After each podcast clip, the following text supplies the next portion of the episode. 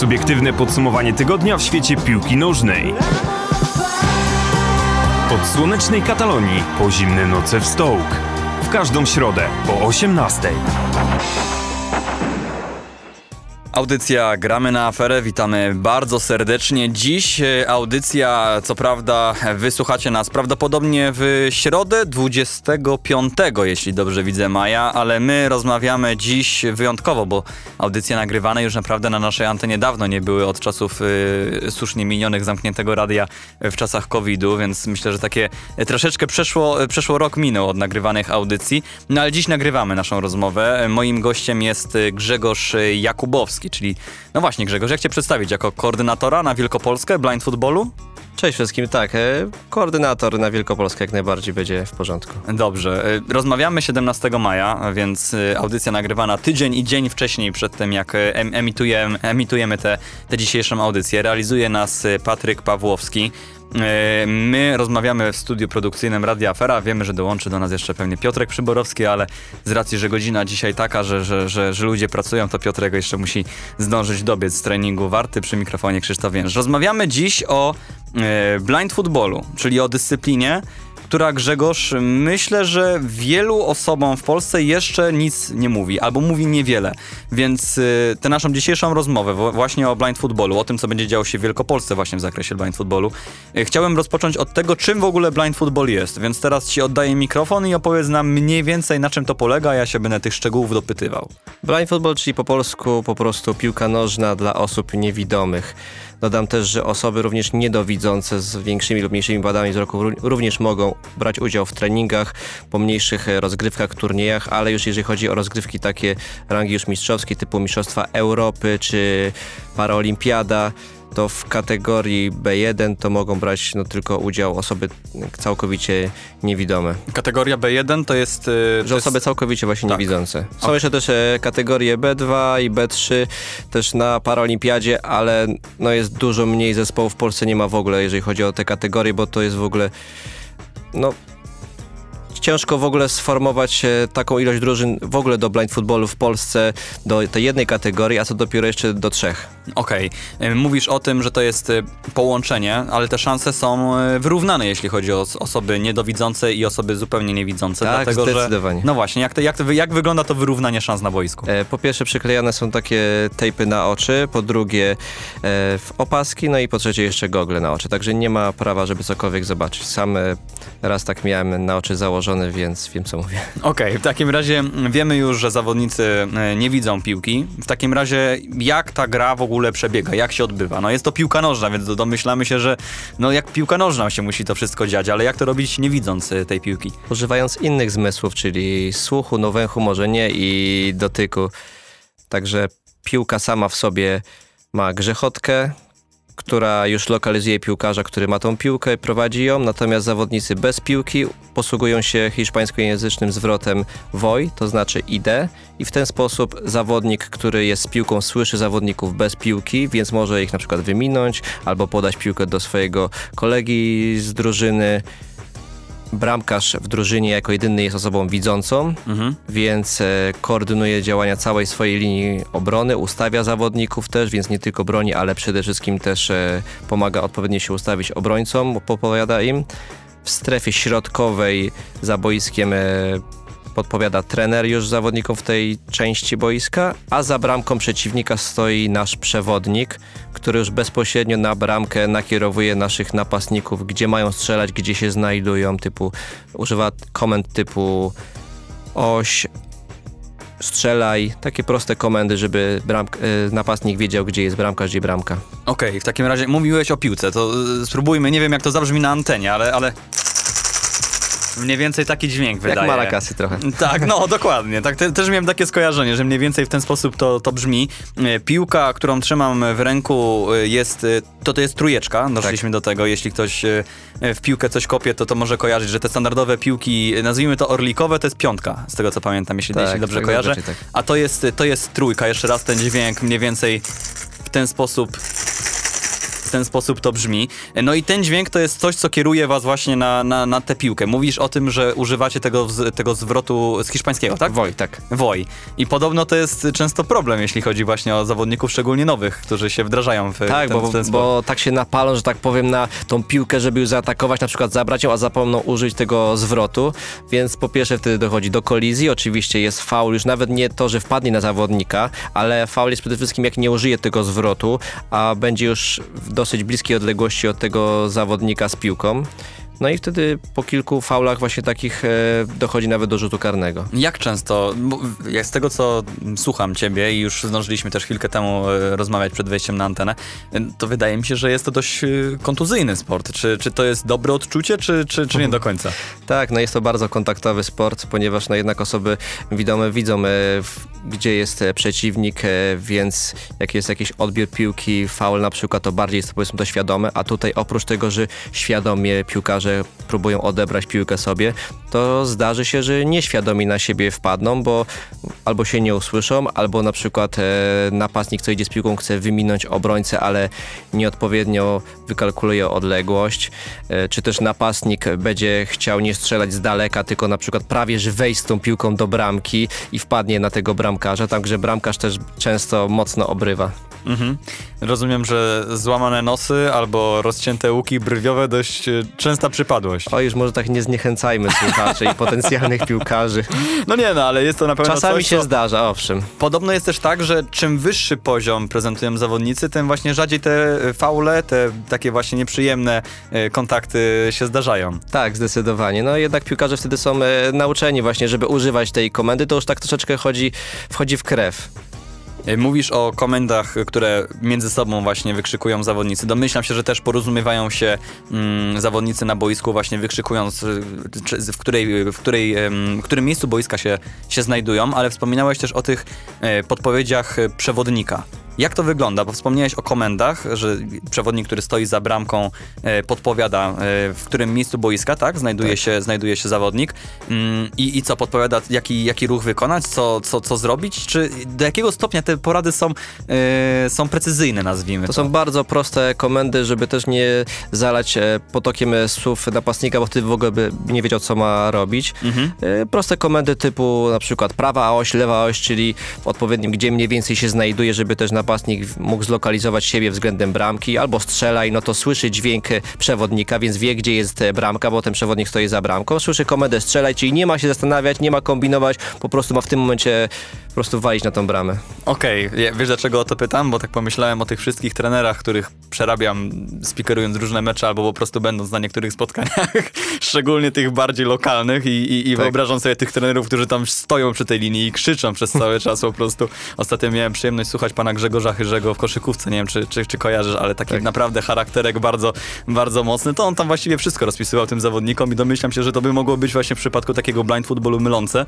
No ale jednak y, ten przewodnik, czy też trener, który mówi w tej środkowej strefie boiska, mm, to jest y, osoba, która musi jednak tym słowem troszeczkę chyba malować. Czy, czy, czy, czy mi się błędnie wydaje? Nie, zdecydowanie. No i w przeciwieństwie do takiej e, pełnoprawnej piłki nożnej, tutaj zawodnicy zdają się jednak e, na oczy przewodników, bramkarza, więc tutaj bardzo ważne jest zaufanie też względem e, trenerów i osób, które widzą w drużynie, ponieważ oni jakby są ich e, oczami, oni jakby są no, nogami, że tak powiem, dru drużyny, a oni są ich oczami i muszą w pełni im jakby im zaufać też. Więc to też się wypracowuje ogromem treningów, w- miesiącami przygotowań, żeby nabyć się choćby tej pewności siebie, tego zaufania względnego. Także to nie jest tylko samo w sobie umiejętności piłkarskiej, czucie piłki i tak dalej, techniki, ale też zaufanie względem e, osób, które pomagają im na boisku. Jasne. Powiedz, y, bo chyba o tym nie wspomnieliśmy, jak duże jest boisko do blind footballu? E, Boisko do blind footballu ma wymiarę 40 na 20 metrów, także to jest takie mniejsze boisko typu Orlik. Trakcie meczu w danej drużynie bierze udział czterech zawodników z pola plus bramkarz. Y, Okej, i mówiłeś o tym, że no to boisko ma jeszcze jedną zasadniczą różnicę względem zwyczajnego boiska, bo jest y, otoczone y, bandami, które wyznaczają właśnie te, te strefy, w której ta gra się toczy. E, Tak, rzuty rożne są normalnie tak jak w każdej innej e, piłce nożnej, natomiast e, autów nie ma, chyba że piłka całkiem wyleci właśnie poza te boczne bandy. Okej, czyli jeśli piłka się odbije, to wraca po prostu na plac Dokładnie gry i tak. gramy dalej. Tak, i to jest też jedna z forma taktyk, choćby nawet, że często zawodnicy wymieniają podania między sobą z, z jednej strony na drugą e, e, poprzez obicie bandy, czy Mhm. to też bramkarz jak wyznawia piłkę, no to może albo do obrońców, albo przez odbicie się od bandy i albo szczurem po środku. Także bandy też często jakby wspomagają pewne rozwiązania taktyczne. Jak te bandy najczęściej, najczęściej wyglądają? Bo jeszcze tak, tak mm, off-topując delikatnie, no to przed wejściem na antenę ty mi pokazywałeś, ale wytłumaczmy słuchaczom, teraz my namalujmy troszeczkę słowem, jak takie banda, jak taka banda wygląda.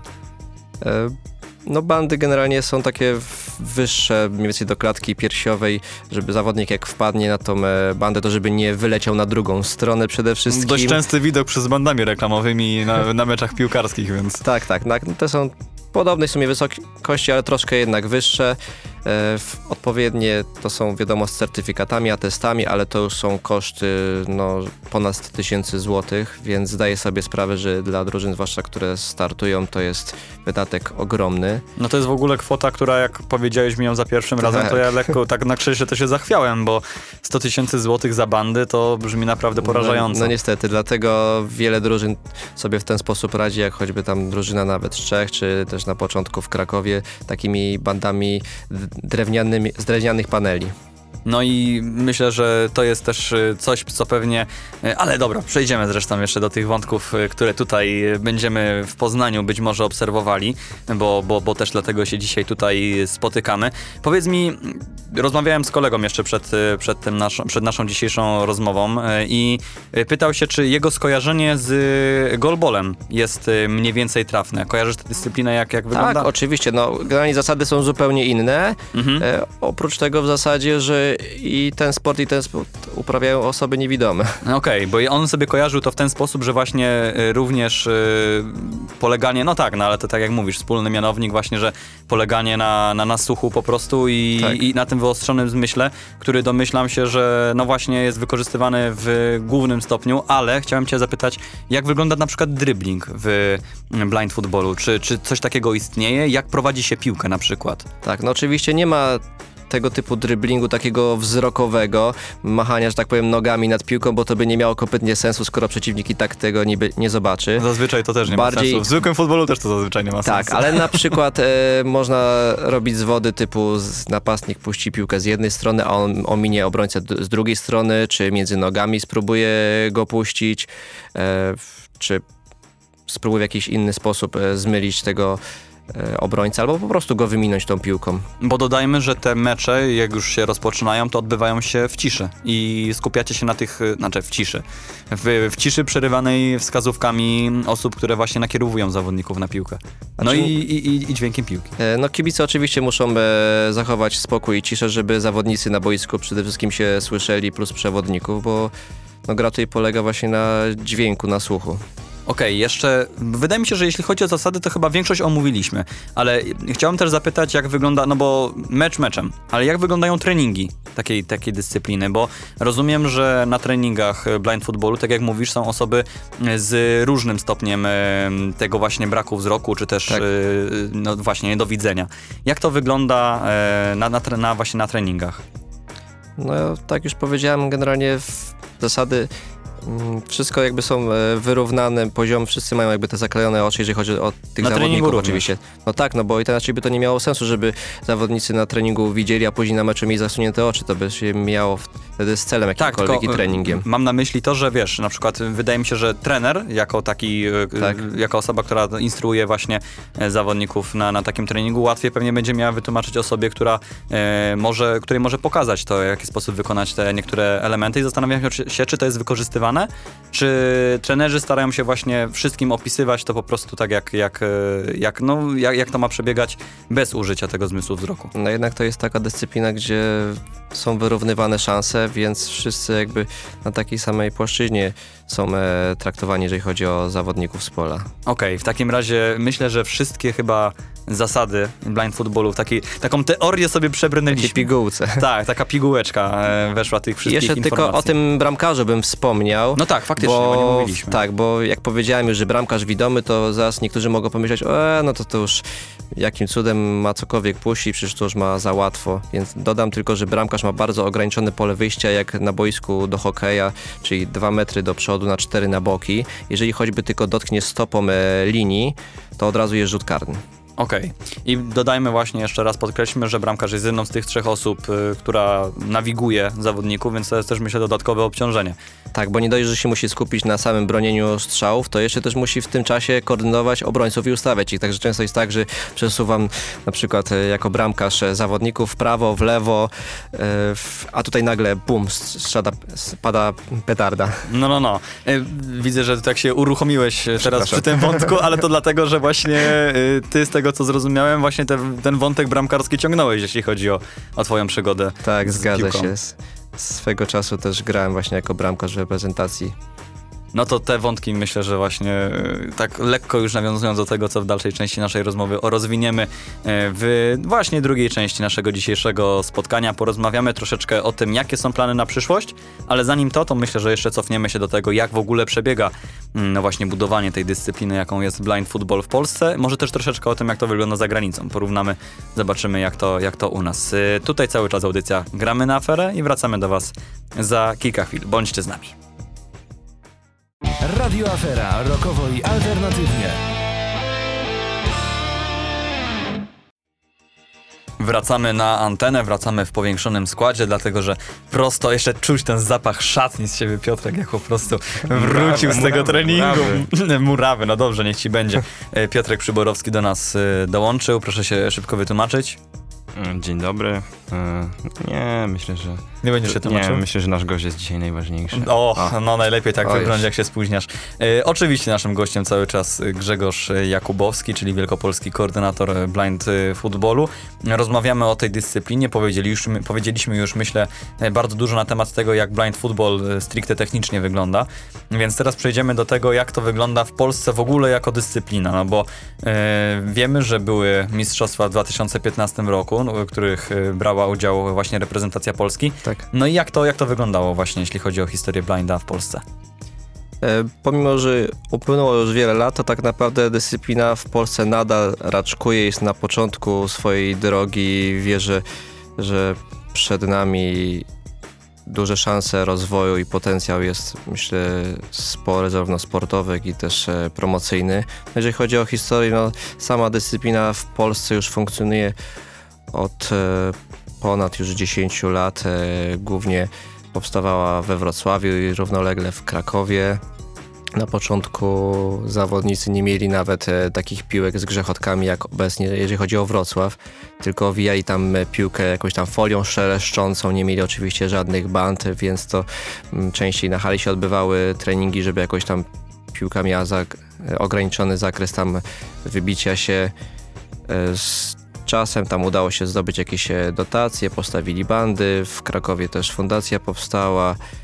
E, No i tak powoli też e, drużyny wyjeżdżały na turnieje takie na początku zapoznawcze, gdzieś do Niemiec, gdzie no na początku były no tęgie lanie, że tak powiem, jakby w 8-0 tam chyba widziałem. no były takie wyniki, no bo to jednak wiadomo nauka od, od najlepszych, gdzie już tam dyscyplina funkcjonuje od wielu lat, gdzie już są pełnoprawne ligi, w rozgrywki. e, No ale potem się odwdzięczyliście e, Niemcom z tego, co widziałem, jeśli chodzi właśnie o te spotkania.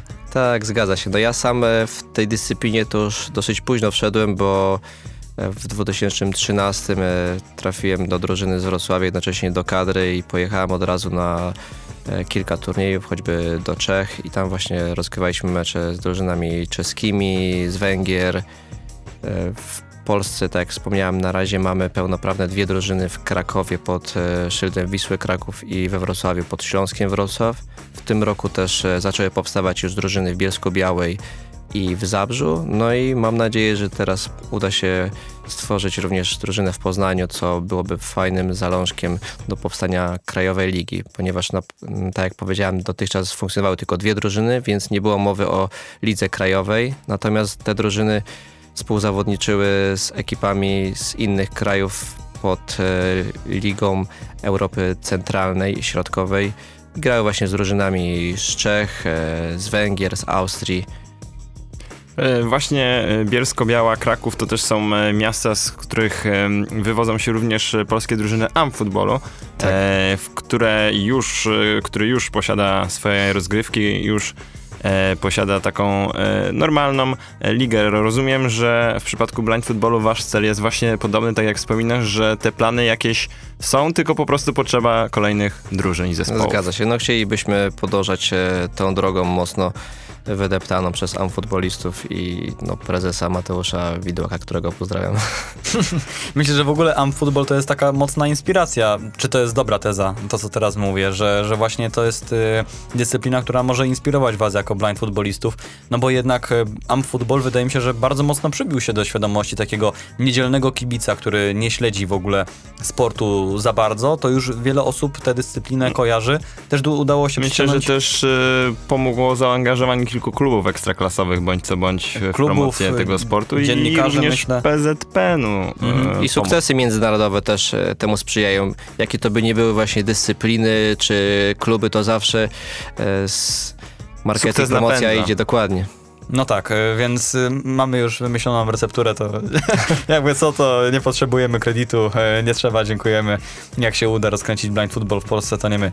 Jeśli chodzi o tę historię, wspomnieliśmy mniej więcej jak to wyglądało. Mówiłeś o tych rozgrywkach w innych krajach delikatnie na razie. Powiedz, jak to wygląda, no bo my mamy dwie drużyny, jak to wygląda za granicą? Dajmy na to, słyszałem, że w Anglii i w Niemczech blind football ma się bardzo dobrze. Tak, e, no nie tylko, no takie najlepsze właśnie drużyny na świecie to jak e, Anglia, Brazylia przede wszystkim, e, Hiszpania, Japonia, Chiny, Turcja też, z którą graliśmy na Mistrzostwach Europy w 2015. Więc są te zespoły, zespoły te, te nacje, do których warto, warto równać. Tam to są normalne rozgrywki ligowe, czy, czy, czy jak to wygląda? Tak, normalnie tam są rozgrywki ligowe. Kilka e, poziomów, normalnie tak jak e, w rozgrywkach. e, No najczęściej piłkarskich. jednak to jest jedna, jeden szczebel mimo wszystko, bo to jednak, że tak powiem, jest ograniczona jednak dostępność ludz, zasobów ludzkich mimo wszystko. Mhm, mhm. Jeśli chodzi o te mm, wątki najbliższe, nazwijmy to, jeśli chodzi właśnie o mistrzostwa, bo mówiliśmy o tych mistrzostwach Europy w 2015 roku, one odbywały się w Anglii, dobrze Tak. pamiętam? Tak. To mamy też już niedługo mistrzostwa Europy kolejne, tym razem e, 10 maja odbyło się losowanie grup tych e, mistrzostw. E, No i może o nich kilka słów. One w e, czerwcu tego roku, od 7 do 18 czerwca. Tak, no mistrzostwa będą teraz się odbywać e, we włoskiej Peskarze, podczas których e, polska kadra po raz drugi wystąpi dopiero. Ciężka grupa z tego, co tutaj widzę na papierze, takim na tej naszej... No wygląda groźnie, naprawdę. Tak, wygląda zdecydowanie. groźnie. No mimo Tak wszystko... naprawdę w jakiejkolwiek odmianie futbolu ta grupa byłaby ciężka. Oj tak, e, może powiedzmy naszym słuchaczom, to jest tak, Polska trafiła do grupy B.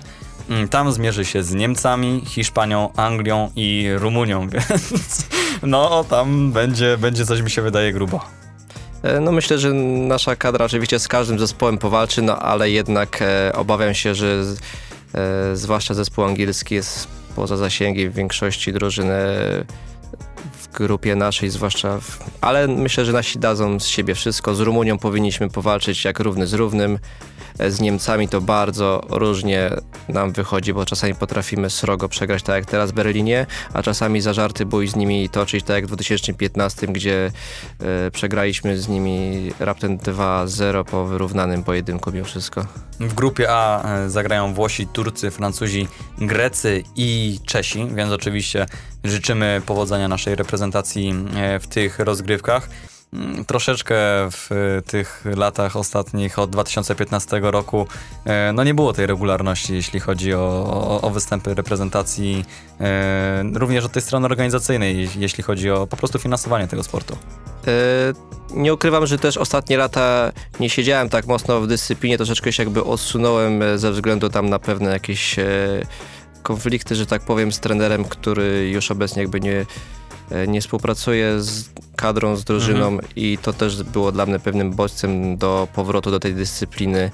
E, Natomiast jednak w tym czasie mocno, zwłaszcza w Krakowie, poszła do przodu piłka nożna niewidomych i to też stamtąd teraz myślę, że można powiedzieć, że jest stolicą blind footballu, nie tak wcześniej był Wrocław, ponieważ stamtąd Piotrek Niesyczyński stara się rozpromować tą dyscyplinę cały kraj. Jest w trakcie pisania takiego ogólnopolskiego projektu właśnie stara się, żeby z czasem powstała ta liga, finansowanie też odgórne dla innych drużyn w kraju, także trzymam za niego mocno kciuki. No i właśnie do tego wątku my się teraz, y, Piotrek, przejdziemy, co? Mm, Dobrze. Co zapraszamy. Y, Jeśli chodzi właśnie o ten wielkopolski odłam teraz, bo mówiliśmy o innych rejonach Polski, mm, no to co my tutaj chcemy, co wy chcecie tutaj y, uzyskać? Jaki jest plan działania właśnie na, na ten rejon wielkopolski? No i, i, powiedzmy w ogóle skąd się tutaj wzięliście, dlaczego, dlaczego właśnie rozmawiamy i, i kogo szukacie? E, troszeczkę rządzenie losu, że akurat e, tak się udało, ponieważ sam prywatnie niedawno się przeprowadziłem do Wielkopolski, więc to było jakimś tam motorem napędowym, żeby tutaj utworzyć drużynę. Zawsze mnie ciągnęło do Poznania sercem i pomyślałem, że skoro teraz jest tu taka sposobność e, geograficzna i mam już jakieś doświadczenie w tym e, temacie, to grzechem byłoby tego nie wykorzystać i nie spróbować e, utworzyć też takiej drużyny w stolicy Koziołków. Jak to w takim razie wygląda tak od strony? Oczywiście nie pytamy Cię jeszcze o szczegóły, bo zresztą myślę, że w momencie emisji naszej audycji może być wiadomo więcej. Jeśli chodzi o szukanie informacji na ten temat, to mm, zapraszamy bardzo serdecznie. No właśnie, gdzie, jeśli chodzi o poszukiwanie informacji na temat rozwoju tej sytuacji? No, Na chwilę obecną można śledzić e, fanpage e, Blind Football e, Poznań, e, bądź też og- ogólnopolski Blind Football Poland, czy też strona internetowa jest, tam też na pewno myślę, że one będą wspominać, jak już będzie więcej konkretów. Na moment mogę powiedzieć tylko, że e, toczone są zaawansowane rozmowy z pewnymi instytucjami, zespołami, aby drużyna powstała. Na pewno też powstanie fundacja, która będzie też e, wspierać finansowo nasze działania, ale jednocześnie też będziemy poszukiwać zewnętrznych sponsorów, ponieważ wydatki, zwłaszcza na sam początek, są niemałe, jak choćby postawienie tych band, e, o których No tak. na początku wspomnieliśmy, przede wszystkim znalezienie odpowiedniego zaplecza, jakim jest e, boisko, gdzie moglibyśmy te bandy postawić. No tak, to są wszystko rzeczy, wydawałoby się dość prozaiczne, ale jednak jakże istotne, no bo e, tak jak wspomnieliśmy, koszt takich band jest e, bardzo, bardzo, bardzo duży. Wspomniałeś tutaj o tym o ograniczeniu e, dotyczącym zasobów ludzkich, e, ale e, skoro istnieje już e, fanpage, to czy macie właśnie odzew ze strony potencjalnych zawodników w Poznaniu?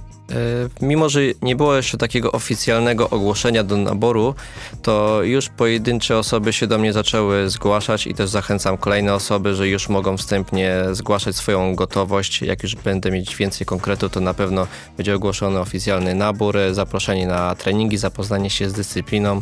Oczywiście udział, zapisy będą bezpłatne. Tym bardziej, że dodajmy w Poznaniu już to nie będzie pierwsze spotkanie z blind footballem, bo e, teraz nie pamiętam, który to był rok, no ale było spotkanie z e, odbojami również Lecha Poznań. Tak, jeśli 7 dobrze lat temu to aż było. Też 15 rok to był. Tak, No tak. przed mistrzostwami. Dobry to był rok dla blind footballu. O, jeszcze troszeczkę czasu musiało upłynąć i warty w wodzie e, przepłynąć, żeby, żeby, żeby doszło do tego, żeby coś właśnie ruszyło się w temacie blind footballu w Poznaniu, ale trzymamy kciuki, żeby oczywiście udało się stworzyć tutaj taką sekcję, żebyśmy mieli przyjemność rozmawiać jeszcze czy to na antenie naszego radia, e, również w pozostałych naszych audycjach na temat e, waszych, mamy nadzieję, przyszłych osiągnięć. Przypomnijmy jeszcze raz, e, tak powoli kończąc naszą dzisiejszą rozmowę, m, gdzie szukać informacji, bo to myślę na, największy, najbardziej istotny punkt naszego programu, no bo te informacje pewnie będą się pojawiały w najbliższym czasie. Oczywiście zapraszam na fanpage'a Blind Football Poznań, jak również drogą mailową blindfootballpoland.gmail.com bądź drogą telefoniczną 602 12 9955 i pod tymi kanałami można się zgłaszać zarówno jeżeli chodzi o zawodników, jak i osoby zewnętrzne, które chcą nas w jakikolwiek sposób wesprzeć, czy to rękami do pracy jako wolontariusze, że tak powiem, czy to finansowo, czy w każdym innym możliwym aspekcie promocyjnym, medialnym, marketingowym. No właśnie, bo to też nie jest tak, że szukacie jedynie, jedynie zawodników, ale po prostu rąk, rąk do pomocy. Życzliwych osób. Tak. Tak, no bo to jednak budowanie struktur od samego początku, od zera. No tak, no i życzymy powodzenia. Nie wyobrażam sobie org- ogromu organizacyjnej pracy, który, który przed tobą Grzegorz, ale, e, ale Miejmy nadzieję, że jak spotkamy się tu za jakiś czas, to Tak, to już będziemy mówili o, o, o wynikach y, zespołu z y, Poznania. Grzegorz, Grzegorz Jakubowski y, był naszym dzisiejszym gościem, wielkopolski koordynator blind futbolu, człowiek, którego czeka dużo pracy. Dzięki Grzegorz, że wpadłeś do nas do studia. Dzięki, fajnie, że byliście. O, o, o tej nieludzkiej godzinie, bo jest 13.20, kiedy my kończymy nagrywać i Grzegorz za 40 minut musi być w Owińskach w Poznaniu, więc, więc no faktycznie jeszcze, jeszcze wyprawy czekają i, i, i pracy przy tym jest sporo. My dziękujemy wam za mm, dzisiejszą audycję. Będzie ona na Spotify'u, oczywiście. Tak jest, jeśli słuchacie nas w radiu, a jeśli słuchacie nas na Spotify'u, to jest ona w, W radiu. radiu. Tak, to jakby jedno z drugiego wynika. Więc serdecznie zapraszamy, można sobie zapisać nasz podcast i, i, i sprawdzać kolejne odcinki. E, dziękujemy, Patryk Pawłowski nas dziś realizował, to była audycja Gramy na i do usłyszenia w przyszłym tygodniu. Do usłyszenia.